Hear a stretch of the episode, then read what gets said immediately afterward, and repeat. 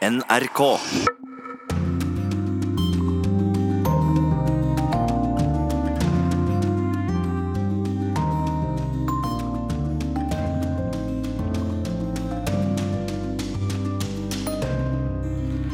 Venezuela vil ikke ha falsk nødhjelp fra USA. Norske Caritas møtte en fortvilt befolkning på landsbygda.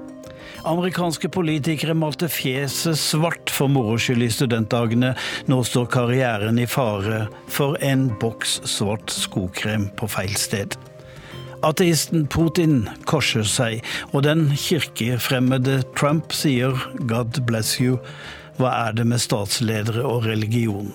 Og i Tyrkia er forresten 730 Disney-slott til salgs.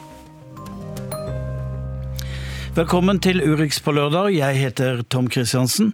Korrespondentbrevet kommer fra Caracas, og podkasten Krig og fred handler om Europa. Hvor er vi på vei?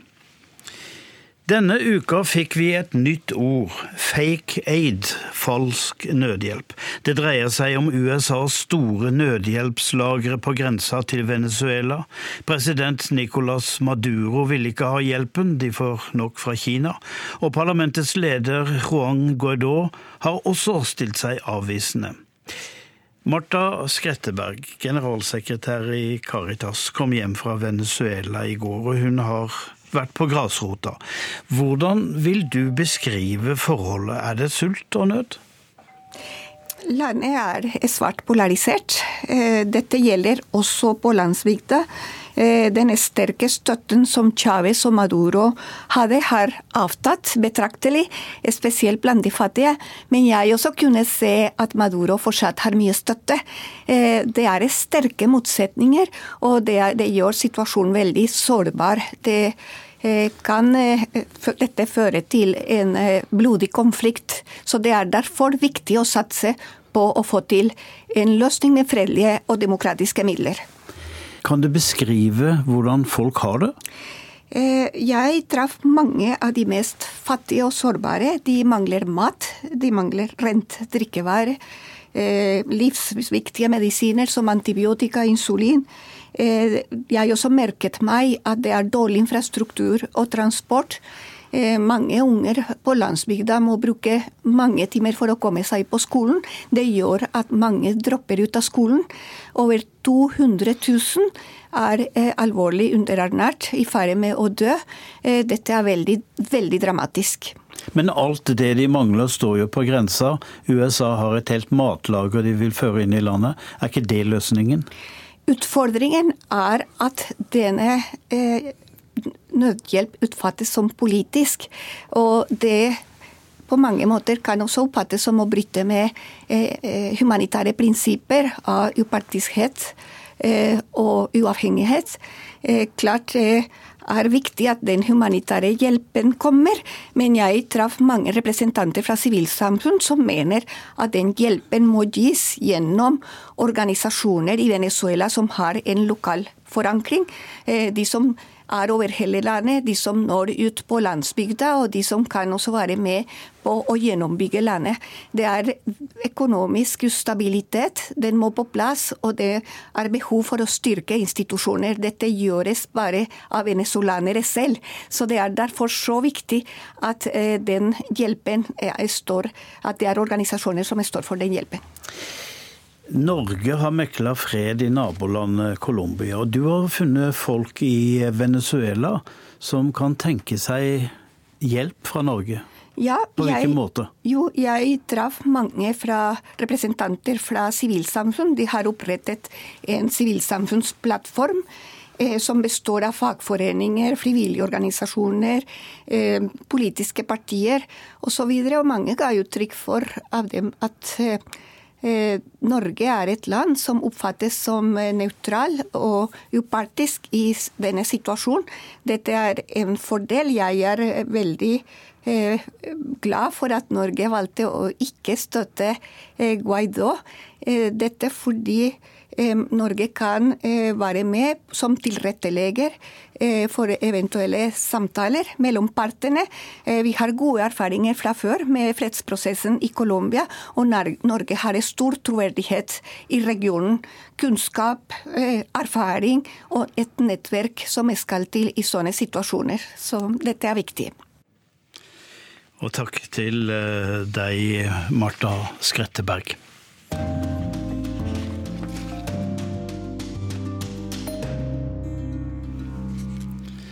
I den amerikanske delstaten Virginia har politiske ledere innrømmet å ha smurt brunkrem i ansiktet for å se afroamerikanske ut i yngre dager, selv om det skjedde på 1980-tallet.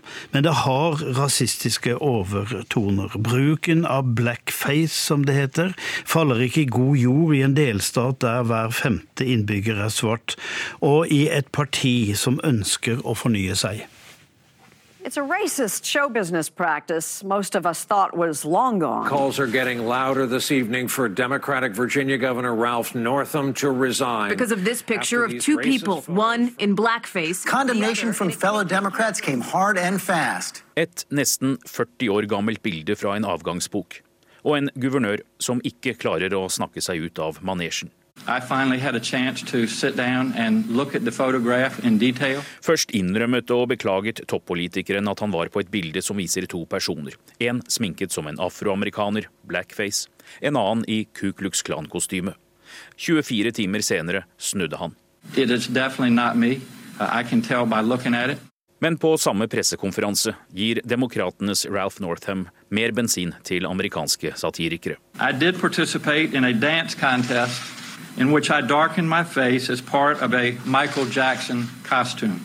It is because my memory of that episode is so vivid that I truly do not believe I am in the picture in my yearbook.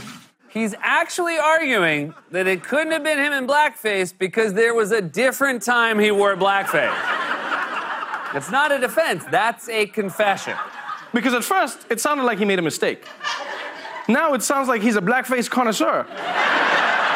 Try that next time a cop pulls you over. Officer, I'm totally sober. Usually when I drive drunk, I swerve a lot more. Mammy. Mammy. Blackface, eller svartfjes, ses på som respektløs og støtende i dag, men stikker dypt i amerikansk kultur. Det var den mest populære underholdningen i over 100 år, med røtter fra slavetida og før borgerkrigen. Mami. Al Jolston var den mest kjente. Den hvite mannen som tok på seg teatersminke, kledde seg ut gjerne i slitte finklær og med hvite hansker, danset og snakket tilsynelatende som en svart. Minstrelforestillingene var dans, musikk, komedie. En sjanger som raskt ble populær i mange andre land også. Også svarte var blackface. Karikaturer av seg selv, påført ekstra maling og store røde lepper. Rollefigurene var ofte dumme, late og mindre intelligente. Who was that lady I saw you with this afternoon? uh, that was no lady. Uh, that was my wife. It's a reminder of America's racist past, um, obviously for older generations of African Americans, but also En påminnelse ikke bare for eldre generasjoner, men også de yngre, som trodde var et tilbakelagt stadium.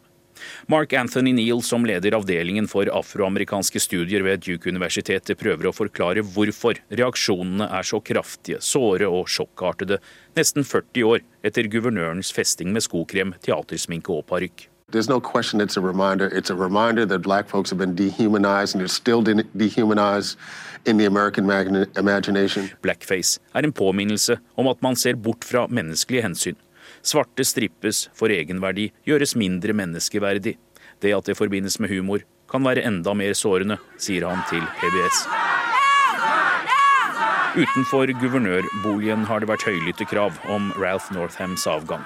Men historien innhenter ikke bare Virginias guvernør. Også delstatens justisminister, nummer tre i arverekkefølgen, innrømmer å ha brukt brun sminke i 1980 for å se ut som en svart rapper. Begge hvite menn med toppstillinger i en av sørstatene som holdt lengst på slaveriet og forbudet mot giftermål mellom svarte og hvite. They shouldn't get a pass because they know what blackface represents. I feel that it's not right, and I feel that there needs to be more education. People need to understand the significance of this. Demokrater som håper å gi Donald Trump en utfordring i 2020, fordømmer mangelen på moralsk autoritet og tar avstand fra blackface og det politiske kaoset. De vet at de må ha svarte velgere på laget, spesielt i vippestater som Virginia, en minoritet som ikke legger en sår og smertefull historie bak seg uten videre. Uh, for me, it sort of stems from a fundamental lack of respect. I think it's going to take some time to move past it. Diskusjonen nå er hvordan en eventuell nulltoleranse for blackface kan slå inn der partier er i utakt med velgerne. For det kan fort være flere skjeletter i skapet i et politisk sørstatslandskap, der hvite menn angivelig tok med seg humoren sin på skolefester på 1970- og 80-tallet. I'll tell you exactly what I did. I had uh, the shoes, I had a, a glove, uh, and I used just a little bit of shoe polish to put under my or on my cheeks. And the reason I used a very little bit is because I don't know if anybody's ever tried that, but you cannot get shoe polish off. But but it was a it was a, a dance contest. Oh, I come from Alabama with my banjo on my knee, and I'm going to Louisiana, my true love for to see. Oh, Susanna, now don't you cry for me. For I come from Alabama with my banjo on my knee. Anders Tvegård hadde laget dette innslaget. Cape Town i Sør-Afrika er forresten et av stedene der minstrel-tradisjonen med sminking av ansikter og dans i gatene holdes i live. Det kalles slavenes nyttårsaften og markeres med positivt fortegn 2. januar hvert år.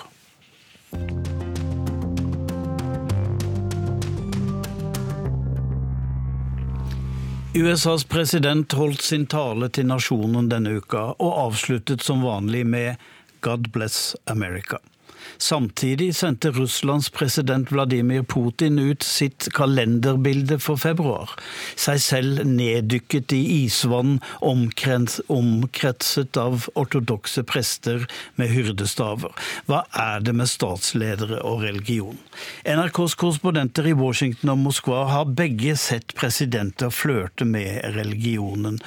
Og Jan Espen Kruse i Moskva, hvorfor var Putin omgitt av ortodokse prelater da han dukket seg i isvann sist uke? Ja, det er jo det at Putin vil for det første vise at han er knalltøff. Han er jo ingen ungfole lenger. Han hopper altså ned i isvannet. Han viser samtidig at han er en mann av folket. Det er i hvert fall det han ønsker. For dette med isbading på denne tida for å minnes om da Kristus ble døpt i Jordanelva, det er et viktig ritual i den russisk-ortodokse kirken. Det er viktig. Jeg overvar dette ritualet nå for kort tid siden. Vi så det ja, på Dagsrevyen. Ja, og der Folk sa ung som gammel at dette er viktig både for eh, helse, det, men det, det viktigste aspektet var det ved å få renset seg for synder. Og det kan jo hende at Putin har et behov nettopp for akkurat det. En gammel KGB-agent har vel en del synder å bekjenne, men KGB-agenter pleide jo ikke å dukke i Jesu navn. Nei, overhodet ikke, men det er jo en helt utrolig forandring som har skjedd gjennom dette livet til Putin. Fra å være representant for å være spion for en ateiststat og så eh, bli altså den som står først i katedralen, den som korser seg stadig vekk, som opptrår i tandem sist uke med patriarken i den russisk-ortodokse kirken. De to er jo nå så ofte sammen. De, de står jo og legitimerer hverandre. Altså, de støtter hverandre. Kirken er kjempeviktig for Putin. og for kirkeledelsen er den politiske makten også kjempeviktig materielt. De får pussa opp sine kirker, de får altså så stor innflytelse. Du, Vi skal komme tilbake til det, men jeg må først innom deg, Anders Magnus Washington. Din mann? Ja, han gjør det, han òg. Jeg har sett ham på møte med de kristenkonservative. De har et sånn stort årlig møte. Der hadde det aldri vært en president noen gang, men i fjor Så kom Trump og talte til forsamlingen. For første gang en president gjorde det. Jeg var til stede. Og det var jo som å være på et vekkelsesmøte. Det var jo halleluja fra begynnelse til slutt da Trump sto på talerstolen. Og noe av det viktigste han sa, var at nå skal det bli lov å si god jul igjen. Merry Christmas. Fordi I USA så man jo, sier man jo 'happy holiday', og man skal ikke støte noen. Det er jøder, det er afroamerikanere som kanskje feirer noe annet osv. Så, videre. så sier man 'happy holiday' for å samle alle grupper. Men nå skulle det altså være julen som, eh, og Kristi fødsel som skulle være i sentrum. Men er det da en politisk tale han holder, eller er han liksom religiøs i snittet? Nei, er, eh, det kan han jo ikke. For han fins jo ikke religiøs i det hele tatt. Så Eh, han, han, har ikke den der sjargongen inne. Eh, det han brukte mest tid på også denne gangen, var å snakke om seg selv. For det gjør han jo bestandig. Og så gir han jo noen sånne bein til menigheten. Abort, Merry Christmas og at man skal få lov til å be eh, bønn i skolen osv. Altså, det er en del sånne ting. Og dette er jo de kristenkonservative så glade for at det er en president som vil eh, forsvare de eh, nokså ytterliggående standpunktene de har. Så de har trukket han til sitt bryst. Til tross for sånne ting som at han da har vært sammen med en pornoskuespiller og har sagt 'grab them by the pussy' og sånne ting, det preller helt av. Ja, Men hvorfor det? Fordi de kristne får det de vil ha av denne presidenten. Og da, eh, Jeg var også i en baptistmenighet helt sør i landet, i Alabama. Og jeg spurte om akkurat dette her. Ja, men eh, han gir oss det vi ønsker av han, svarer de. Og, han, og, og, og hva, hva skal, hvordan skal vi vite om han egentlig har gjort disse ting. De tror liksom ikke helt på eh, skandalehistorien om Trump, de, eller de later som det ikke fins, fordi at de vil ha en mann i presidentstolen som kan gi dem disse seirene på det veldig konservativt eh, kristne området. Ok, Men dette er en handel. Altså, Han leverer et par politiske bein og får tilbake stemmer. Og du, Jan Espen Kruse, ser noe tilsvarende i Moskva. Den ortodokse kirke, som altså ble forfulgt i 70 år under ateismen, bl.a. av Putin. ja da, det er, det er, Nå har de også en handel. Ja da, eh, det er det i høyeste grad. altså at eh, Putin eh, han understreker hele tiden dette med nasjonalisme i sine opptredener, dette med fedrelandets betydning, stoltheten av det å være russisk. Og så er det som å høre et ekko når patriarken snakker. Han snakker også om eh, nasjonalisme og om fedrelandet. Sånn at de to går så felles inn. Og, og Putin mener jo at kirkens oppgave til de grader er å støtte opp om det regimet som finnes nå. Og det, det regimet står for den politikken. Og så så vi jo nå da Ukraina eh, dannet, eh, opprettet sin egne ortodokse kirke. Eh, og, skilte seg fra den ortodokse kirken i Moskva. Eh, hvordan dette ble brukt voldsomt i politikken. Og igjen var patriarken ute og fordømte alt det som ukrainerne gjorde. Og gjorde akkurat det samme som Putin. Men er det ingen refleksjon rundt det faktum at Putin faktisk var en ateist som bekjempet kirken i et regime som i 70 år eh, nettopp var et artistisk regime? Nei. Altså, Mediene i Russland nå de bruker så masse plass på nettopp dette med kirken, dette med Putin og samspillet. Det er ingen kritisk journalistikk i de store statlige mediene eh, rundt dette her. Det ville ikke passe inn i bildet i det hele tatt. Og eh, Det er snakk om å styrke Russlands posisjon i verden. Eh, få Russland til å stå fram som en stormakt. Og dette jobber de så målbevisst for å få fram at det er ikke rom for kritikk. Da skal du helt ut i eh, perifere akademiske kretser. Det er jo Gud hele tiden.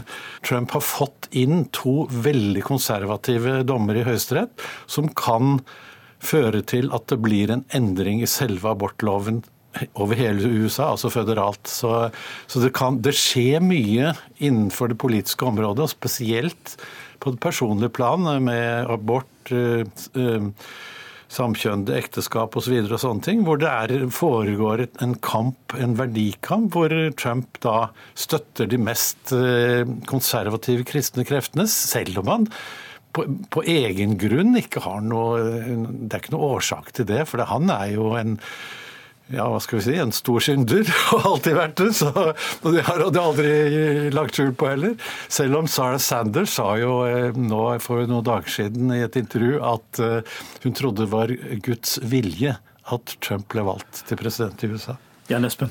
Du nevner det med verdikamp. Det er det jo for så vidt ikke innad i Russland. Men Putin og patriarken i den russisk-ortodokse kirke ser på det de står for som grunnverdier Eh, både i det russiske samfunnet og eh, grunnverdier religiøst sett. De ser på at Russland har en rolle opp gjennom historien som bevarer historiske viktige sannheter. Og de ser på seg sjøl som et fyrtårn i forhold til Europa. Eh, hvor man nå, russerne snakker med forakt om veldig mange, da. Om dette med homofile ekteskap, at normer er i oppløsning i Europa. Nå er det kaos i Europa. Eh, mens Russland står for de tradisjonelle, gode familieverdiene, for stabiliteten i verden.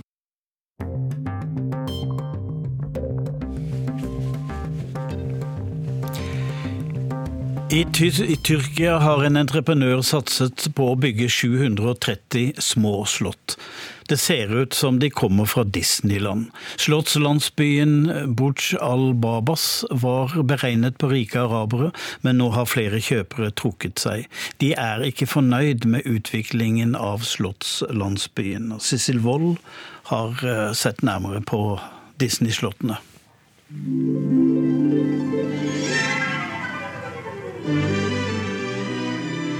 Du tror du er kommet til Disneys verden, eller i alle fall Disneys utsalgslager av fantasislott. For i vakker natur i fjellregionen Bolu mellom Istanbul og Ankara ligger 730 tomme slott. Dette prosjektet, som skulle lokke rike gulfarabere, heter Burj al-Babas, og utbyggeren er tyrkiske Sarot Group. Av de over 700 slottene er 350 solgt til arabere, bl.a. fra Kuwait, Emiratene og Saudi-Arabia. Gulfaraberne elsker Tyrkia. Her finner de muslimsk kultur. De finner vakker natur, spennende turistmål og ikke minst god mat, også halal. Til nå har 350 familier kjøpt slott til priser mellom 3 millioner og 4,5 million norske kroner. Men i Slåttlandsbyen, der alle kan kjøpe hvert sitt like kremfargede slott med grå spir og tårn, er ikke lykken like fremtredende som i Disneyland. Visjonen var hver familie sitt slott. Alle bygget rundt et shoppingsenter. Her skulle være skjønnhetssalonger, mange hamamer der man kunne bli vasket og massert og så slappe av med eplete, før man gikk til moskeen i eventyrbyen. Men slik har det ikke gått. For mens entreprenøren måtte vente på tillatelser, steg prisene på byggematerialer brått. Tyrkias økonomiske krise rammet også eventyrslottene. Entreprenøren gikk konkurs.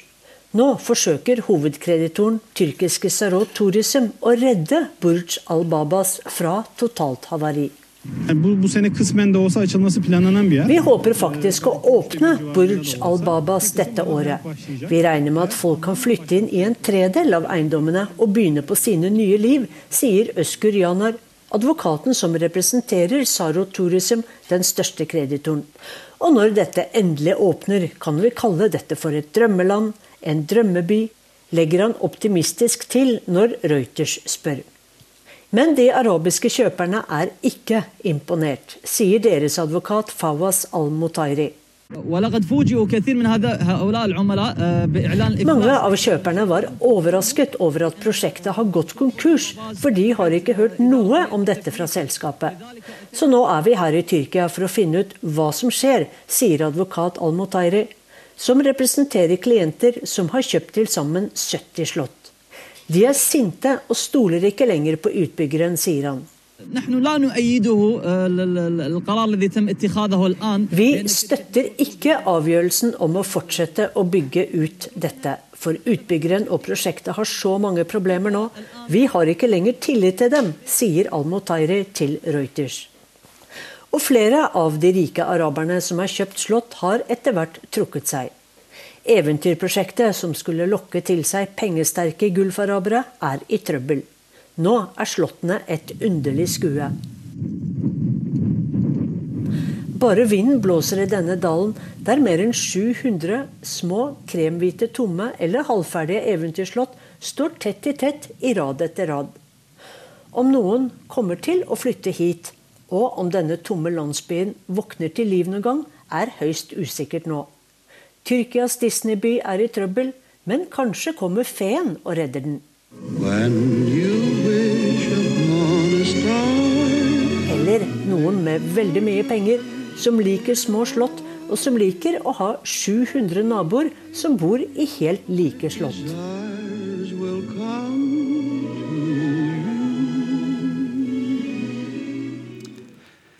Også ukens korrespondentbrev dreier seg om Venezuela, der vi startet denne sendinga. Der har vår Amerikakorrespondent Anders Magnus nettopp vært, og blitt stoppet av politiet for å utføre journalistisk arbeid foran presidentpalasset i Caracas.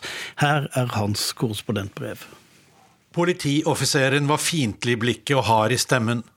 Hva er det du gjør? Kom med meg.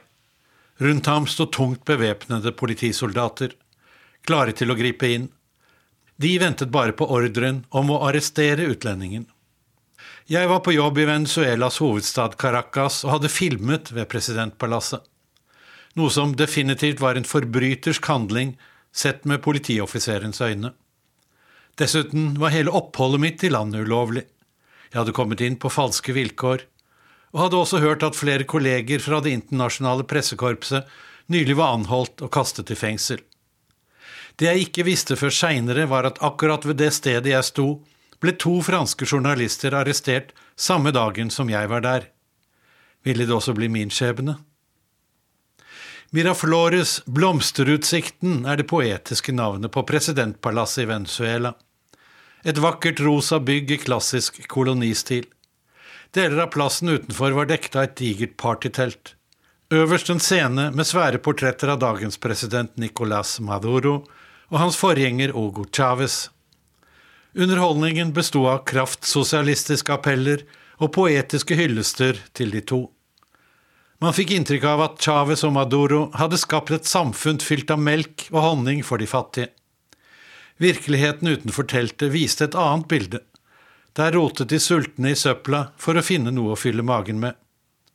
Akkurat det var ikke noe problem for regimetilhengerne som var busset inn for å hylle dagens president. Bak rekken av komfortable stoler sto bordene dekket med gratis mat og drikke. Nok å spise for alle var et av løftene til Hugo Chávez da han vant presidentvalget i 1998 med støtte fra velgerne i fattigbydelene Barrios. En tid gikk det bra. Chávez delte rundhåndet av landets store oljeinntekter og beholdt populariteten. Men så falt oljeprisen og Venezuelas inntekter med dem. Det var ikke lenger så mye penger å dele ut. Snart viste den autoritære kloen seg hos oberstløytnanten. Han sikret seg hjelp fra cubansk hemmelig politi for å holde kontroll med opposisjonen. Veien mot diktaturet ble startet av Chávez og fullført av etterfølgeren Maduro. Han jukset med valgene og baserte makten på soldatenes geværmunninger. Generalenes lojalitet er det eneste som holder president Maduro ved makten nå. Da er det ikke rart at presidentpalasset Miraflores er omgitt av den strengeste sikkerhet. Inngangen til plassen foran bygget er sperret med svære stålbommer og voktet av soldater med automatgevær. Ved alle veier som fører inn mot palasset, står kraftige kryss av jernbjelker, omgitt av rikelig med piggtråd. Soldater her også, selvfølgelig. Presidenten føler seg nok ikke helt trygg. Utrolig nok klarte vi å passere inn gjennom sperringene, takket være vår dyktige lokale medarbeiders overtalelsesevner. Å komme seg ut igjen skulle bli verre. Jeg lot som om jeg ikke forsto språket da offiseren snakket til meg, selv om jeg nylig hadde vært på spanskkurs og oppfattet godt hva han ville. Vår lokale medarbeider kom til og fikk høre en lang, truende tirade fra offiseren. Svaret var det vi på forhånd hadde blitt enige om som dekkhistorie.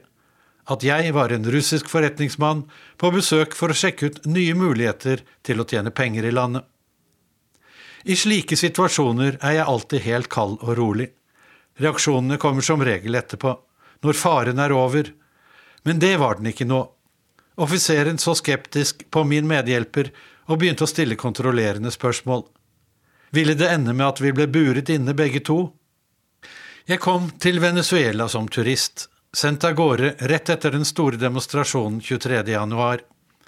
Jeg og min fotografkollega rakk ikke å søke om journalistvisum. Dessuten ville vi trolig heller ikke fått det, siden vi kom fra et vestlig land. De fleste internasjonale journalister gjorde som oss, tok seg inn på turistvisum. Det var nervepirrende ved passkontrollen. Jeg manøvrerte oss i køen slik at vi fikk den kontrolløren som så hyggeligst ut, en ung kvinne med smilende ansikt. Hun studerte dokumentene våre nøye. Dette var ekstrapassende, uten stempler av noe slag. De vi vanligvis brukte, kunne vi ikke presentere. Der var jo journalistvisumet til USA limt inn. Passkontrolløren spurte hvilket ærend vi hadde i Venezuela. Svaret var at vi skulle besøke venner, noe som ikke var helt usant. I hvert fall fikk vi mange gode venner i løpet av oppholdet. Så sopte hun sammen passene våre og gikk til et kontor bak skranken, trolig for å konferere med en overordnet. Da tenkte jeg at løpet var kjørt, at de ville sende oss ut med første fly tilbake til Miami.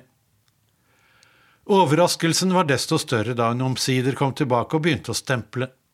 Smilende rakte hun oss passene og spurte med et skjelmsk blikk periodistas? Journalister? Jeg lot som om jeg ikke forsto spørsmålet, smilte pent tilbake og begynte å gå mot bagasjebåndet.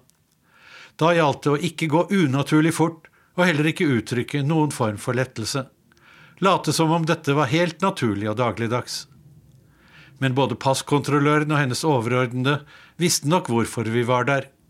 Kanskje de sympatiserte med opposisjonen og ønsket at vi skulle få se hva som foregikk i landet. Som korrespondent både i Afrika og Asia har jeg flere ganger reist inn på turistvisum når nyhetene krevet at jeg var til stede som da Zimbabwes diktator Robert Mugabe bannlyste de fleste utenlandske journalister foran valget i 2002. For å se mest mulig ut som turist tok jeg med en tennisracket i håndbagasjen, og kom inn. Filmet i skjul med et lite kamera jeg lånte i hovedstaden Harare. Hele tiden engstelig for at politi eller militære skulle oppdage meg. Fikk til slutt videobåndene smuglet ut av en annen person som reiste fra landet et par dager seinere. Til Myanmar dro jeg også på turistvisum et par dager etter at fredsprisvinner Aung San Suu Kyi ble løslatt fra husarrest i november 2010. Ved Myanmars konsulat i Bangkok måtte jeg fylle ut et langt skjema, der de ville ha en detaljert beskrivelse av hele min yrkeshistorie. Da gjaldt det bare å finne på. Først hadde jeg vært lærer, skrev jeg, deretter i turistbransjen. Akkurat nå ønsket jeg meg til Myanmar, hvor jeg ville utforske muligheter for norske investeringer i turistnæringen. En god dekkhistorie, mente jeg. Ved konsulatet brød de seg heldigvis ikke med å google navnet mitt, og dagen etter fikk jeg visum. Da bar det med første fly til Myanmars hovedstad Yangon, hvor jeg fikk et langt intervju med Aung San Suu Kyi.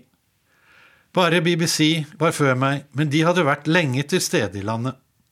Også her var jeg redd politiet, men først og fremst for at de skulle oppdage båndene med det eksklusive intervjuet og beslaglegge det. Til Venezuela reiste vi uten annet utstyr enn mobiltelefonene våre. Ingen store kameraer eller stativ som kunne gjøre immigrasjonsmyndighetene mistenksomme. Men moderne mobiltelefoner gir gode videobilder, så vi klarte å sende reportasjer hjem. Direkte innslag til Dagsnytt 18, Urix og Dagsrevyen måtte vi gjøre fra hotellrommet. Det var eneste sted med godt nok internett for å få billedforbindelse til Norge. Og skyldtes ikke at vi gjemte oss der og ikke turte å gå ut i samfunnet, som enkelte hjemlige kritikere ville ha det til. Tvert imot var vi ute på gaten og så hvordan folk samlet seg til demonstrasjoner mot regimet. Allerede første dagen fikk vi et kort intervju med opposisjonens leder Juan Guaidó. Vi dro også ut i fattigbydelene, Barrios, hvor folk fortalte om politisk undertrykkelse og mangel på mat og medisiner. Heldigvis hadde vi en dyktig sjåfør som passet godt på oss. Caracas er verdens mest voldelige by, og man kan de fleste steder også utsettes for overfall, ran og tyveri.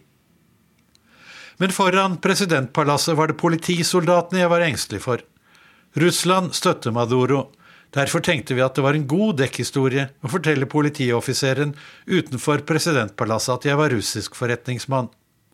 Helt til politimannen begynte å stille mange ubehagelige spørsmål. Da gjorde min lokale medarbeider et genialt trekk. Han blåste seg opp, antydet forbindelser langt opp i regimet, og sa at politioffiseren ville komme til å angre resten av livet dersom han ikke straks lot oss gå. Det virket. Offiseren gjorde tegn til at vi kunne forsvinne. Jeg smilte, tok ham i hånden og sa takk på russisk, spasiba. Da han svarte meg på samme språk, gikk det kaldt nedover ryggen. Jeg kan jo ikke russisk, bare et par ord. Nå gjaldt det å forsvinne, men kaldt og rolig, og ikke for raskt. Som om vårt besøk ved presidentpalasset var den naturligste ting av verden.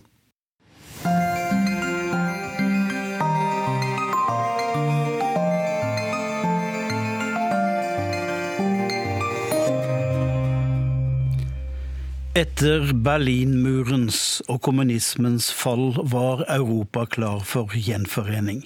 Men 30 år seinere blåser en mørkeblå vind over kontinentet. Hva skjedde? Det er klart for ukens podkast Krig og fred. Jeg var 14 år og bodde i Tyskland da Berlinmuren falt. Og jeg husker godt hvordan mamma ropte oss barna inn i TV-stua for å se på nyhetene.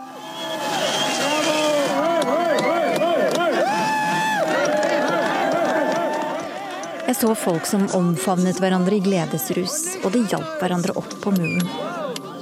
Noen gikk til og med løs på den med hakker. Og jeg husker køene av de karakteristiske østtyske bilene som sneglet seg over grensen mot vest, uten at noen stoppa dem. Jeg husker også hvordan de samme bilene ble stående med åpne pansere langs autobanen, mens røyken sto opp fra overopphetede motorer. De var rett og slett ikke konstruert for den høye hastigheten på veiene i vest. Vi trodde kanskje alle sammen den gangen at vi skulle bli gjenforent i ett samla Europa. Men 30 år senere så blåser det en mørkeblå vind som splitter kontinentet. Hva skjedde? I Polen styrer det nasjonalkonservative partiet Lov og rettferdighet. Krig og fred med Tore Moland og Elisabeth Onsum. Du kan jo forestille deg hva som hadde skjedd hvis eh, Erna Solberg, Siv Jensen, Trine Skei Grande og Kjell Ingolf Ropstad, som leder av den nye liksom, regjeringen, hadde bestemt seg for at de skulle utsette alle NRK-journalister med en konservativ troskapstest for å sjekke om de virkelig liksom støttet den nye regjeringen og avsatte alle som ikke lovet lojalitet etter denne testen. Eller at de bestemte seg for å fjerne Høyesteretts politiske uavhengighet og ansatte et flertall av sine dommere, f.eks. som eh, støttet Fremskrittspartiets politikk.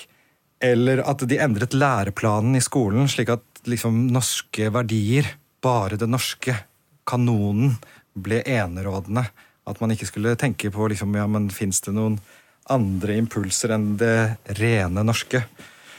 Og for bestemte seg for at ja, nei, nå skal vi stramme inn abortloven, som er allerede Europas strengeste, slik at eh, voldtatte kvinner også eh, skal ikke ha tilgang til abort. Altså, du kan tenke deg liksom, hvordan du ville reagert da, hvis, hvis det hadde skjedd i Norge. Så, så det, for, for, meg så var det liksom utenkelig, rett og slett. Altså, kan Skjer dette virkelig?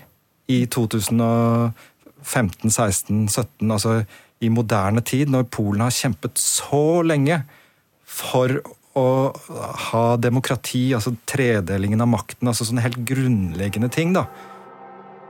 Hei, jeg heter eh, Leif Igor Devold. Jeg jobber på NTNU og er eh, universitetslektor når det gjelder min bakgrunn, så er jeg halvt polsk og halvt norsk. Nesten svensk, med andre ord.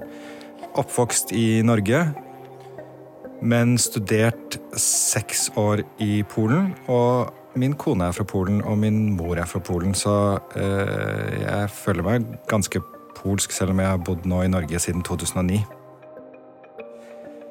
Mor hadde jo en leilighet i Warszawa. Jeg husker at jeg liksom i de, noen blokker, sånn veldig sånn typisk uh, gråe polske blokker, som man liksom kjenner fra Kieslowski sine filmer eller østeuropeisk film generelt. da. Og det husker jeg at jeg lekte på sånn lekeplass og så disse blokkene. og um, mm, Den leiligheten husker jeg fra barndommen. og uh, Ellers så reiste jeg jo veldig mye til, eller forholdsvis mye til Polen gjennom oppveksten i ung alder, så jeg husker jo kommunismen i Polen. Altså på 80-tallet. Da reiste jeg jo på sånne sommerleire for polakker bosatt i utlandet, og vi hadde sånne røde skjerf og sang Internasjonalen. og Det var uh, virkelig sånn uh, kommunistiske leire, da, rett og slett, for, uh, for diaspora, da, eller for polakker bosatt i utlandet. Polonia kaller man det i Polen. Mm. Polen har jo en ekstremt stor del av de som er polakker, bor jo ikke i Polen. Altså, Den nest største byen som er polsk i verden, det er Chicago. Der bor det én million polakker. Sånn at det bor, Jeg tror det er et sted mellom 10 og 20 millioner polakker bor utenfor Polen. De hadde faktisk sånne leire da, på 80-tallet for, for polak, polske barn bosatt i utlandet, hvor man kunne komme og på en måte bli litt kjent. Jeg husker at vi Hver eh, mandag så kom det cola til den lokale kiosken.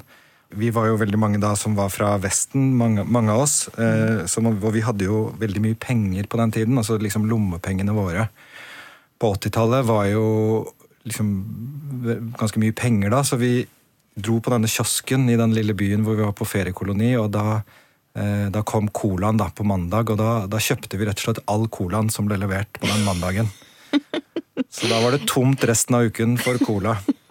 Så, sånn, sånn, var det i kommunistiske Polen. Det var ikke sånn, eh, De tilpasset seg ikke markedet. Nei, og, og de tillot eh, amerikanske produkter?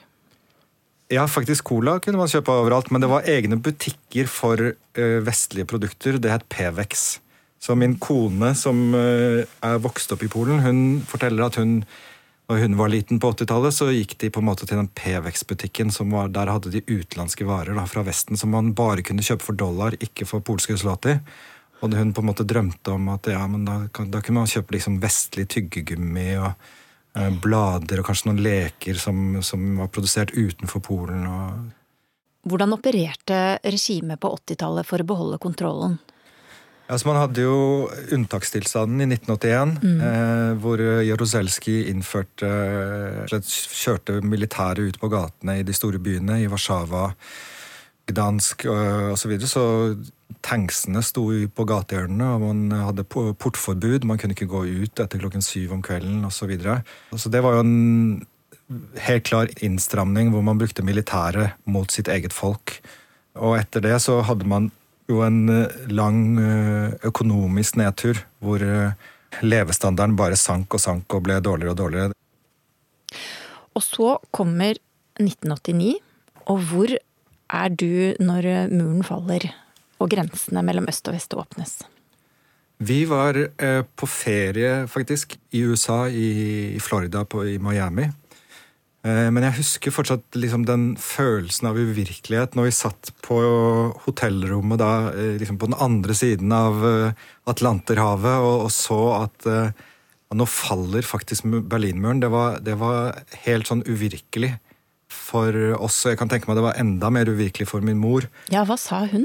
Ja, altså Den generasjonen der, som, som på en måte babyboom-generasjonen De var jo født eh, Min mor er født etter andre verdenskrig, og jeg tror veldig få av de hadde noensinne trodd at Polen skulle slutte å være kommunistisk. Det var snakk om at man skulle få et bedre styresett. At man skulle kanskje bli mer sosialistisk istedenfor kommunistisk. Men at eh, muren faktisk skulle falle, og at man skulle oppleve en demokratisering av Polen og hele Øst-Europa etter hvert, det tror jeg var veldig uvirkelig for henne og, og veldig mange. Resultatene etter søndagens historiske valg ser ut til å overgå selv de mest optimistiske forhåndstips fra Solidaritet. Allerede før Berlinmuren falt, var Polen først ute øst for jernteppet med å holde bortimot frie og demokratiske valg. I april 1989 sa kommunistpartiet fra seg sitt maktmonopol, og i juni samme år ble valget en overlegen seier for demokratiforkjemperen Lech Walesa og hans solidaritet. Szanowni Państwo, drodzy przyjaciele, wszystko wskazuje na to, że wygraliśmy te wybory. Wygrali... I dag er det det nasjonalkonservative Lov- og rettferdighetspartiet som styrer Polen. Ved valget i 2015 fikk Jaroslav Kaczynski og partiet hans rent flertall i begge kamrene i det polske parlamentet. Siden har de gjennomført reformer som blir beskyldt for å være antidemokratiske. Jeg kunne på en måte aldri forestilt meg i de årene jeg bodde i Polen, fra 2002 til 2009, at vi skulle havne i den situasjonen vi har gjort i dag. Det første alvorlige er tegn på at her kunne det være problemer med oppfattelse av rettsstat og demokrati. Det kom to år etter den store østutvidelsen i 2004. Og det var ved det ungarske valget i 2006.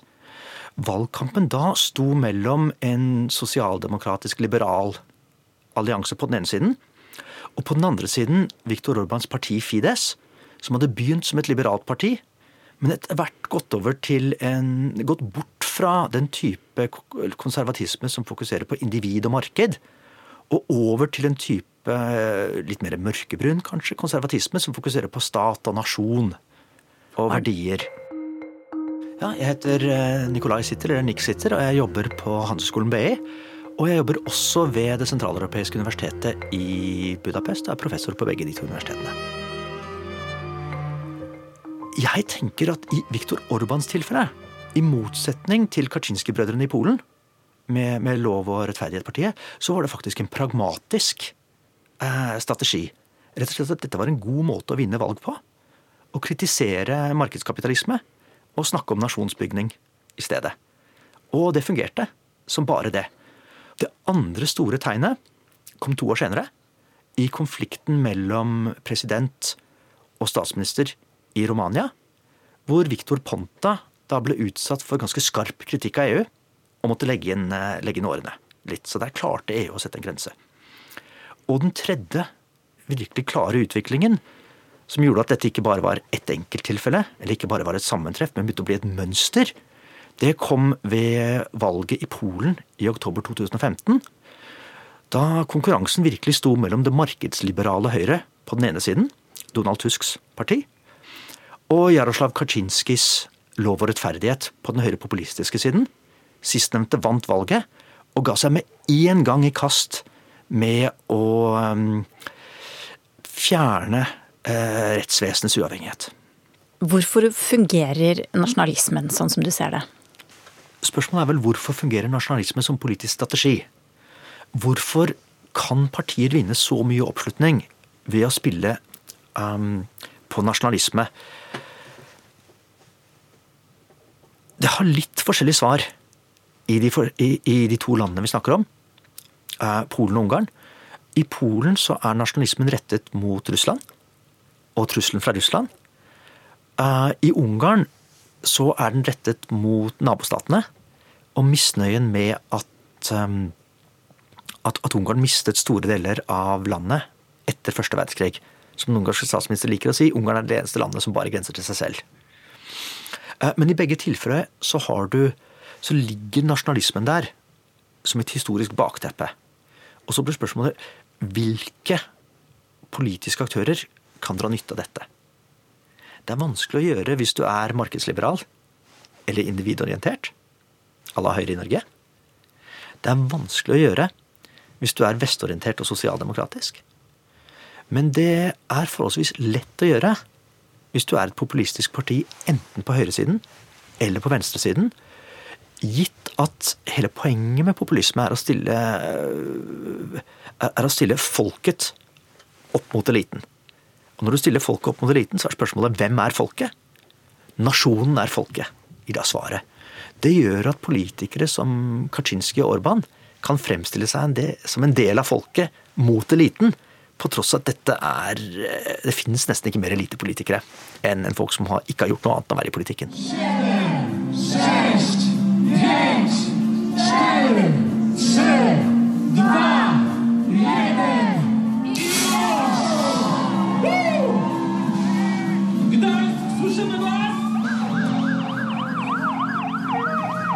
Det var under en veldedighetskonsert i Gdansk i midten av januar at en mann med kniv plutselig hoppa opp på scenen og stakk byens mangeårige ordfører i hjertet.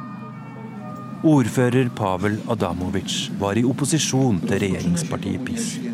Han var særlig aktiv i kampen mot regjeringens forsøk på å ta sterkere kontroll over rettsapparatet i Polen. Pavel Adamovic døde på sykehus dagen etterpå.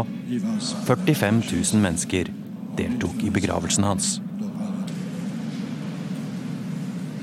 Nei, det er en, først og fremst en tragedie, det som skjedde. Det, er en, antageligvis også en ikke bare politisk motivert, men det er jo en mentalt til dels ustabil person. Eh, men det man snakker om da i etterkant, er at eh, man ved den retorikken som har blitt ført, eh, og det politiske klimaet som har blitt innført, med en slags deling mellom oss og dem, polariseringen og den, den, den hatretorikken, eh, propagandaen som blir innført, måten man snakker om hverandre på i, i, i den offentlige debatten, den er med på å legge til rette eller gjøre at enkelte personer som, som, kanskje normalt ikke ville oppført seg sånn, føler at de har en rett til å faktisk eh, utagere sin eh, frustrasjon. Men Leif Igor Devold, hva er det som gjør at folk stemmer på dette partiet? De har rett og slett lovt folk å hjelpe dem ut av den lave eh, levestandard de er. De øker barnebidrag, de eh, innfører høyere minstelønn, og de støtter også en slags patriotisk tanke om at nå skal vi polakker ta den plassen vi fortjener. Eh, og hva mener jeg med det? det jo, det er Altså, vi Polakkene føler jo at de er en viktig nasjon i Europa. Og man har følt at man har tatt et mindreverdighetskompleks overfor Vesten, og, og, og, nå tilbyr på en måte piss en, en, en, stolthet og tro på seg selv. Det er på en måte den nasjonalistiske siden av dem. Og så har de samtidig den sosiale siden hvor de eh, tar vare på arbeiderklassen. Eh, og øker da sosiale stønader, eh, jobber tøffere med å kreve inn skatter fra overklassen og på en måte opererer litt som en slags Robin Hood. Da, og de som føler seg eh, at de ikke har fått tatt del i den veksten som var etter at Polen eh, har gått inn i EU i 2004, de stemmer på piss for å eh, gjenvinne en slags eh, verdighet, rett og slett. Hvis du ikke har råd til å kjøpe dine barn ordentlige klær, hvis du ikke har råd til å Altså, Selv sånne enkle ting til å reise på ferie. Hvis du kan bli sparket fra din jobb på dagen, hvis du ikke har noen rettigheter, så er, er, blir dette med liksom, ja, men høyesterett og liksom ja, tredeling av makten, det, det, blir litt irrelevant når du, ikke, når du liksom sliter med å, å få mat på bordet. Hvor trygt sitter Kaczynski? Jeg tenker at Eh, Kaczynskis regjering eller regime er et typisk eksempel på det vi nå kan kalle litt myke autoritære regimer. Og de sitter nok mindre trygt enn en, en, en, det av og til kan se ut som. Jeg tenker De to største utfordringene for den type regimer kan være enten at de begår feil, eller at det skjer uventede ting som de ikke har kontroll på. Og mordet på borgermesteren i Gdansk er en sånn typisk uventet ting som de ikke har kontroll på, som de ikke vet hvordan de skal reagere på, og som kan, som kan sette i gang en utvikling eh, som lar opposisjonen virkelig få mobilisert. Og, og, og det eh, tenker jeg har blitt mye verre for dem, fordi de har jo begått en slags feil ved å presse denne polariseringen, disse hatske uttalelsene mot, eh, mot, mot, liberale, men også spesielt alt, alt fra kjønnsstudier til homofile, såpass langt at det har skapt et slags miljø eller grobunn for den type ting som skjedde i Gdansk. Så det kan bli en virkelig utfordring eh, for den polske regjeringen i et år hvor vi tross alt skal ha, ha to viktige valg.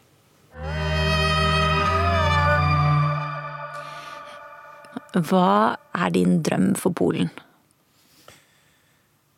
Min drøm er at Polen skal være et eh, vanlig demokratisk land som, eh, som jeg opplever at eh, et velfungerende demokrati, godt forankret i Den europeiske union, godt forankret i Nato.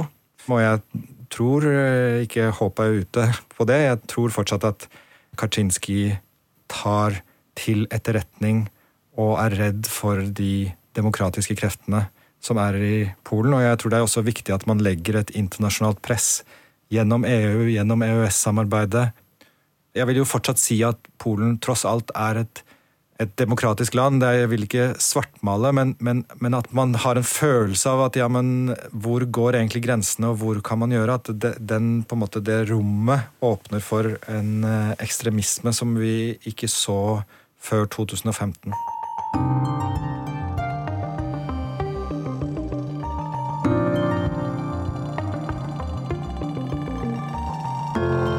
Du har hørt Krig og fred. En podkast fra NRK Urix.